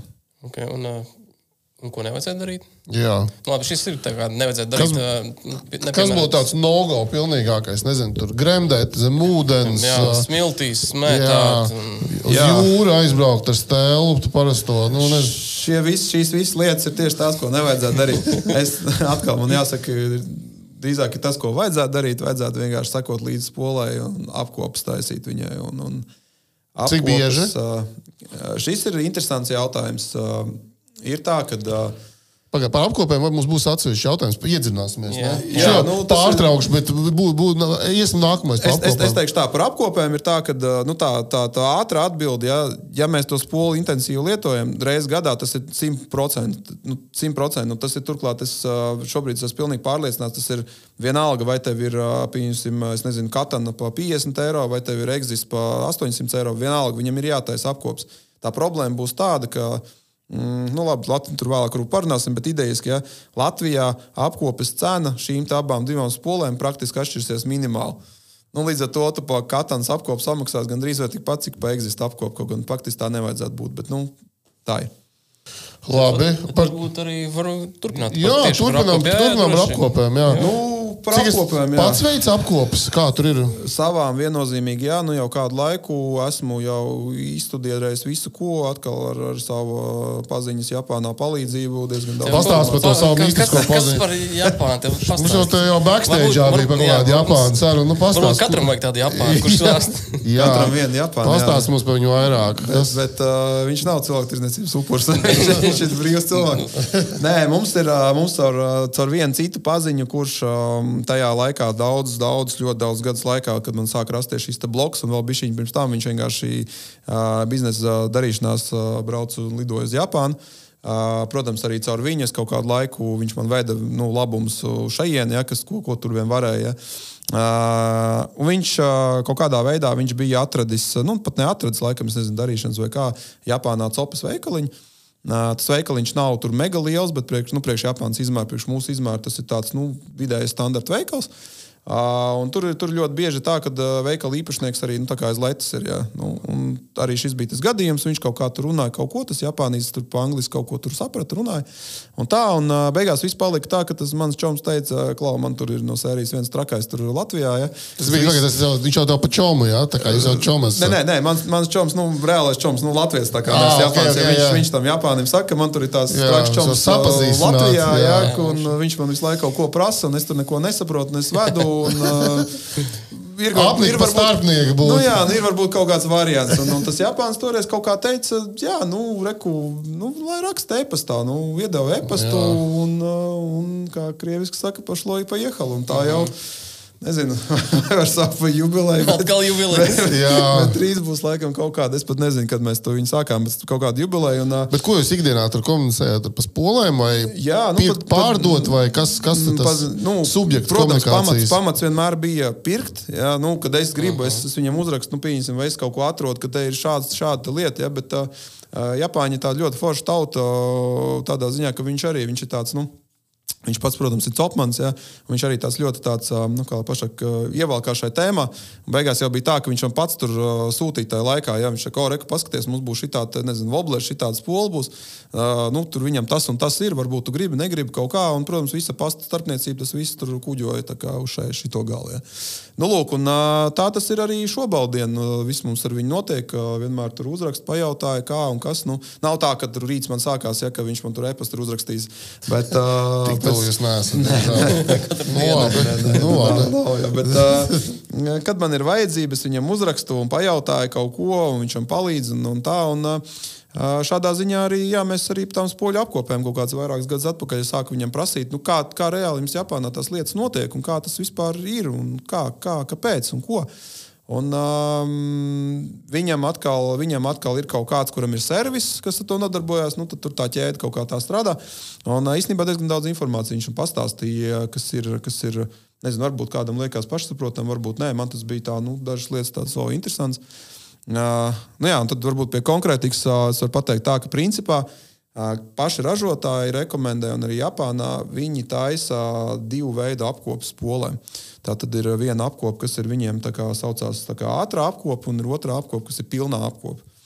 Un, uh, Uh, nu, nav noslēpums, ka spola tas ir mehānisms. Nu, tur mehānisms no dažādām lietām sastāv. Ja. Otra lieta ir tāda, ka spola ir tas, arī tas, tas rīks, kas vienmēr ir zem uh, laikapstākļu ietekmes. Vai tas būtu lietus, vai augstums, vai saule, vienalga tas spola tev vienmēr būs tur. Uh, mitrums, protams, ja, tas neizbēgami. Un, un, un, nu, tas mehānisms kaut kā cieši no tā visa. Ja.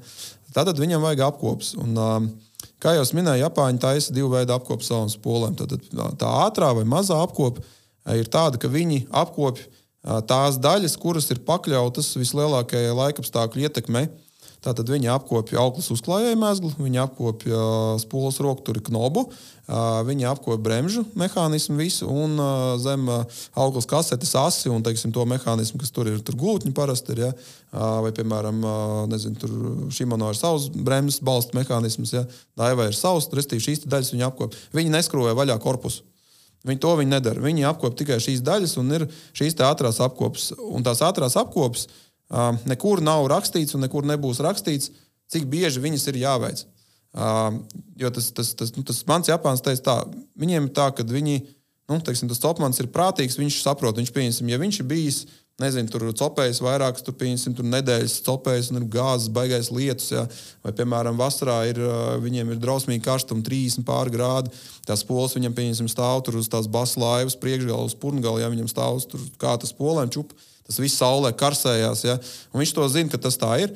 Viņš atnes tās polas uz to servisu. Viņam ātri uztaisīja to apkopi. Ja? Tas ir fikso. Ja? Jā, viņi tā apkopa, principā, viņi arī laika ziņā viņi neko principā, daudz neaizņem.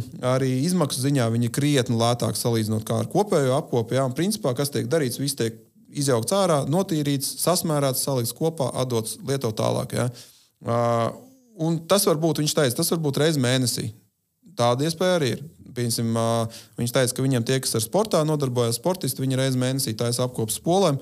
Un viņiem tas pols darba mūžs ir ļoti īss. Jo, nu, pirmkārt, visi sportisti ir piesaistīti komandām. Viņi ir tā saucamie prostaferi, attiecīgi nu, viņi dabūna jauns rīks. Ja. Bet uh, tas pols mūžs viņiem nav ilgs, un uh, viņi taisa regulāri šīs katru mēnesi praktiski apkopes. Ja. Uh, vai, piemēram, tas var būt reizes pusgadā. Nu, vienalga, kā, kā ir. Ja. Uh, un uh, reizi gadā viņi rekomendē taisīt lielo apkopi. Un it sevišķi tas ir jādara, ja netaisa šīs mazās apkopes, ja vienkārši nu, tā, tā skola dzīvo savu dzīvi, reizes gadā taču nu, viņa jātaisa. Ja? Kas varbūt tās ir atšķirīgi, teiksim, mums arī lielākā daļa copmaņas domā, ka zemapziņā ir, ka nu, reizes gadā tomēr vajadzētu to apkopu uztaisīt. Ja? Kas mums nebija zemapziņā, ir tas, ka um, ir liels valda uzskats, ka, ja tu nopērc teiksim, arī to prēmiju segmentu spoli, tad principā tu viņu vari netaisīt vaļā un tu dzīvot mūžīgi ar viņu. Es teikšu, godīgi, man tieši tāpat darīja ar visām savām dārgajām spolēm. Vispār nenesu viņus uz servisiem. Principā arī nebija nekādas problēmas. Bet kā viņi paši uzskata, tā īsti pareizi darīt nav. Tagad es saprotu arī, kāpēc. Jo jebkurai smērvielai ir savs mūžs, kurā viņa kalpo. Un nu, vienkārši tā spola ir jāpārsmērē. Jā. Plus vēl ir tas, ka nu, pēdējos gados esmu arī redzējis ļoti daudz nu, reāls piemērus pat spoles, kuras nāk no rūpnīcas, nu, tā kā pilnīgi kastītē iepakotas svaigas. Ja. pat viņas nav līdz galam, uh, viņas var būt vai nu pārsmērētas, vai smēri ir bijis pa maz. Tas, es, tā, tas nav tā, ka tagad tu nopērci jaunu spoltu, uzreiz viņa aizjūt ārā un jāpārsmērē. Ja? Hmm. Bet tādi reāli gadījumi ir bijuši. Un pat mm -hmm. ir bijuši ar flagmaņiem tie gadījumi, ka tu nopērci spolu un viņa, viņa, tu jūti, ka viņi īsti negriežas. Un viens no iemesliem, kāpēc viņi var negriezties, ir tas, ka, kad es nezinu, kādā procesā kāds ir ielicis pa daudz smēru, vienkārši tā smēra tik bieza uz obratiem, ka viņi vienkārši negriežas. Nu, viņai nav tā brīvā gaita. Ja? Tāda gadījuma arī ir pat diezgan pat nesen dažiem labiem mūsu paziņām. Ja. Tā kā, tā kā, jā, tā kā es teiktu, ideāli būtu šī te, nu, pieņemsim, kaut vai pusgadā uztaisīt ātrā apkopu vai kaut vai labi reizes kvartālā uztaisīt viņu. Un reizes gadā nu, būtu vēlams jau viņu tomēr kaut ko. Bet uh, labāk uzticēt profesionāli vai pašam mācīties kaut ko mēģināt? Jā, tur YouTube. Viss ir, viss ir atkarīgs. Nu, kā jau pasaka, viss ir atkarīgs, protams, arī no paša cilvēka, ja, vai rokas aug no pareizās vietas, kā mēs jā, zinām. Izjaukt jau visamāk, bet to jau mācās salikt. Jā, jā kas attiecās uz mazo apkopu, es teiktu tā, ka es esmu diezgan pārliecināts, ka jebkurš normāls celtmans to spēj izdarīt. Pat tie līdzekļi, kas būtu jāiegulda iekšā, lai to viņš spētu izdarīt, nav lieli. Nu, tur ir principā kaut kādi divi, varbūt tās trīs skrūvgrieži. Smēru ziņā es teiktu, nu, divas eļļas un viena smēra vai divas vēl smēras. Ja. Easy. Nu, labi, nu, labi, tas nav teiksim, tā īsi, nu, tā galīgi īsi, bet es teiktu, tā, ka tas nav, nav raķešu zinātnē. Ja. To varētu izdarīt jebkurš, bet te ir vēl viena nianses. Nianses ir laiks. Ja vienalga, ja tev ir, nu, tas, tas neaizņem daudz laika, ja teiksim, viens pols, ok, forši, bet, pieņemsim, arējā, mēs zinām, ja kaut vai man, nu, šobrīd tur mēnesi atpakaļ, pieņemsim, savām sešām spolēm uztaisīja apkopē. Bet tās reāli tev ir sešas pols, kas tev jāiztaisa. Un, principā, lai viņām viss tur forši strādātu, man ir skaidrs, ka starp uh, sacensībām uh, sezonā man būs vēl jātaisa ātrās apkopes bremzēm 100%. Ja? Jo arī sportā, piemēram, mums ir bremze. Arī sportā, uh, nu, tā ir tāda sporta specifika. Arī sporta bremze manā skatījumā ir super svarīga. Tā spole var būt pilnīgi vienalga, kāds viņai ir korpus, kāds viņai ir rokturs, kāds visi pilnīgi vienalga visvarīgākais moments ir bremze. Otrajā vietā es liktu, cik labi uh, spoli uzklāja auklu. Visi tie divi lielumi, kas ir vajadzīgi. Pārējais ir pilnīgi nesvarīgs manā skatījumā. Ja. Bet tas tieši arī ir. Tas ir konkrēti par ārējā sporta runājot. Ja pieņemsim, nu, nezinu, tur Big Baitā, ja būs atkal citas vajadzības, ja teiksim, Big Baitā būs vajadzība tieši pirmais būs svarīga izturība. Jā, teiksim, cik tā spolē ir lieli un no kāda materiāla zobrata taisīts korpus, resursi, uh, nu, šādas lietas. Jā. Nu, Tālāk ir tām apkopēm. Tā kā, cik tas maksā īsti? Kā tur tas tās izmaksas? No, kā šobrīd vidēji? Ne, neminēsim droši vien tā Japāņu tur uh, cenu politiku, jā, bet, bet uh, pieturēsimies pie vietējā. Jā. Nu, vietējā, cik es esmu, cik es esmu tā dzirdējis, nu, mums Latvijā nav baigi daudz meistaru, bet viņi ir forši, ka viņi ir, ka viņi taisa, jo es domāju, ka pieprasījums vienalga ir. Es esmu dzirdējis kaut ko par 30 eiro, tur es esmu dzirdējis par 40 eiro, nu, plus mīnus tādos līmeņos. Ja. Iespējams, ka eh, es tur neapgalvoju, ka tā ir 100% taisnība, ja iespējams tagad jau cenas mainījušās. Nezinu, bet. Nu, es esmu nesis par 30 eiro. Jā, jā bet nu, tas ir tā runa tikai par to, ka jāsaprot, tā ir tā, tas ir tas stāsts, ka tu paņem spoli. Uh, izjauc, iztīrīja, sāļo, saliec kopā. Visu viņi, ja tur nav ne rezerves. Bez, bez remonta. Absolūti, jā, absolūti, jā. Nu, Japānā, ja interesējas, var pateikt, tas ir nu, plus mīnus divas, divas pusreizes dārgāk. Nestāstīja. Nē, ne, ne, nevajag. Tu jau pacelsies, tad cenas vēl kaut kas nevajag. Tas čakarēs tīrgu.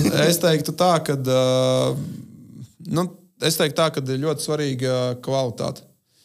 Ja kāds, ja mums būtu meistars, kurš man spētu garantēt, ar garantiju, ka pēc viņa ap, viņas apkopes man tā spola būs tāda, kāda viņa man ir. Vispār bez nekādām problēmām, viss būs saremontēts vai vienalga izdarīts. Nu, protams, ja to var izdarīt, jā, loģiski, ja viss būtu izdarīts tā, kā vajag. Es būtu gatavs maksāt lielāku naudu par to. Bet, nu, šo, šobrīd tās tirgus situācija ir bijusi savādāk, godīgi sakot. Nu, tā ir. Ņemsim vērā.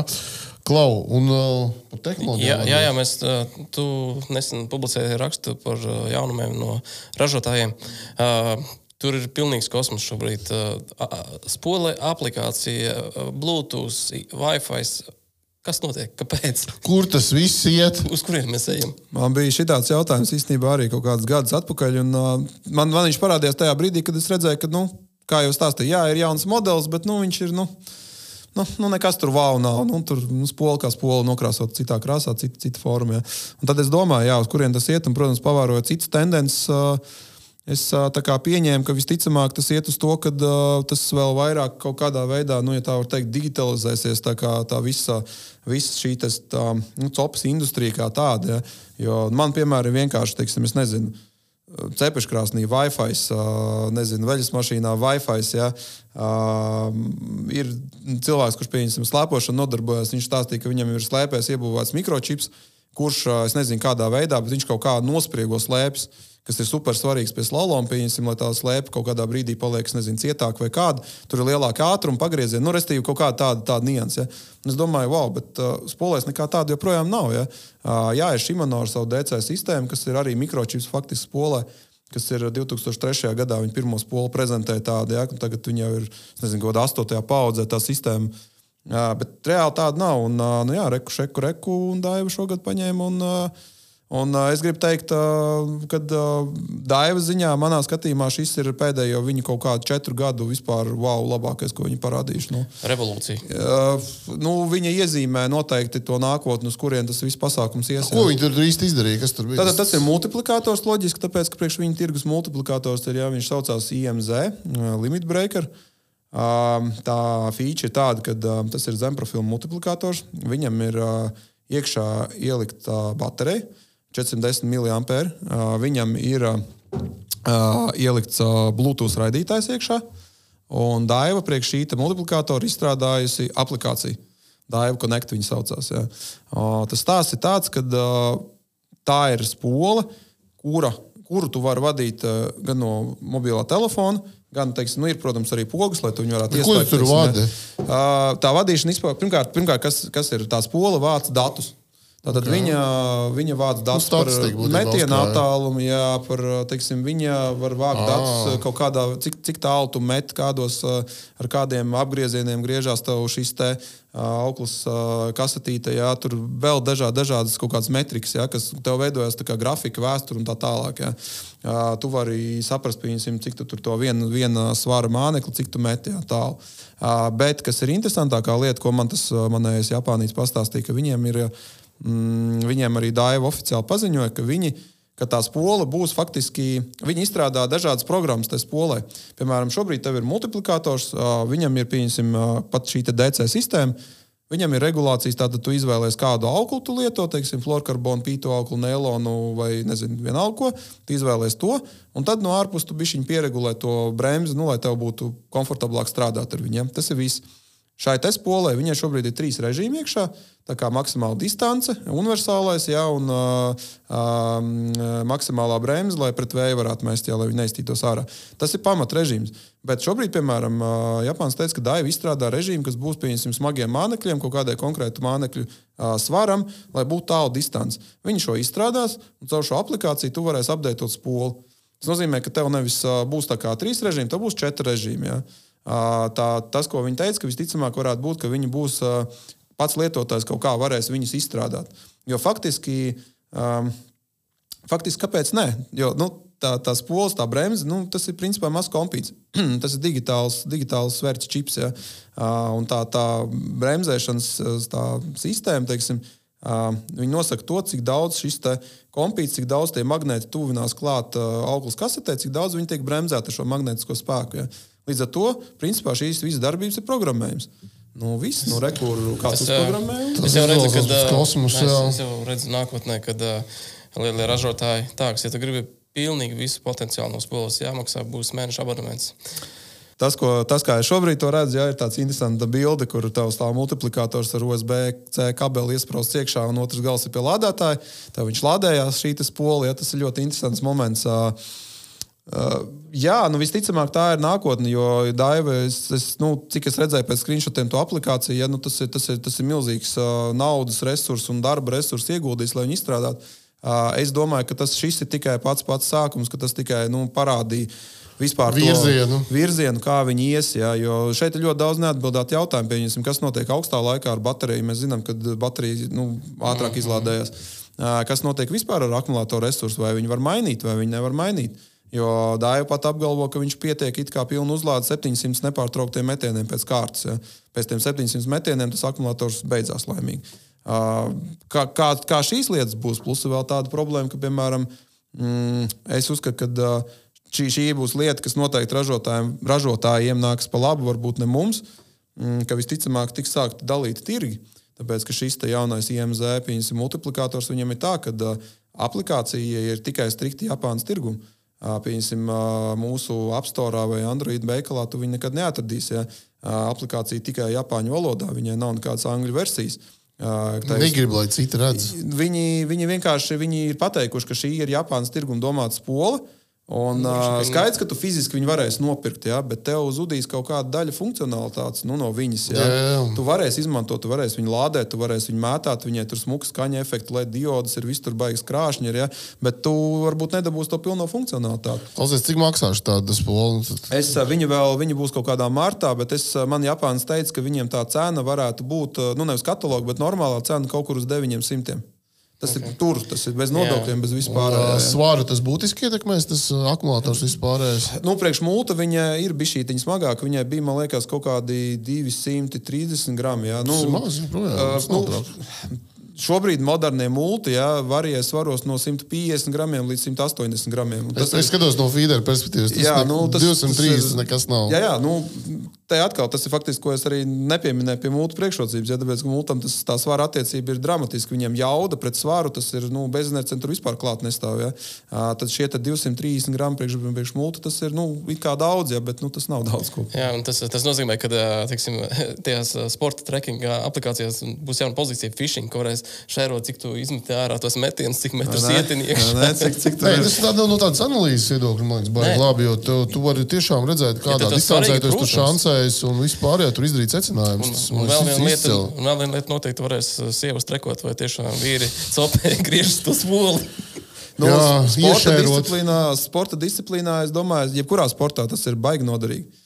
Jā, jā, tas viss ir uh, noderīgi, tas viss ir uh, interesanti. Uh, Nu, man šobrīd tikai viens jautājums, cik daudz tas praktiski ir. Un, un, un tur vēl ir citu, tāda interesanta nianses, kad, eh, nu, kā jau teicu, šī manim šī DC sistēma ir sena. Viņa jau no 2003. gada viņu, viņu katru gadu apgraido, kas faktiski ir arī. Nu, tas, tas tā jau ir savā ziņā kaut kāda nākotne, sevišķi tajā gadā, kad viņi viņu prezentē. Ja.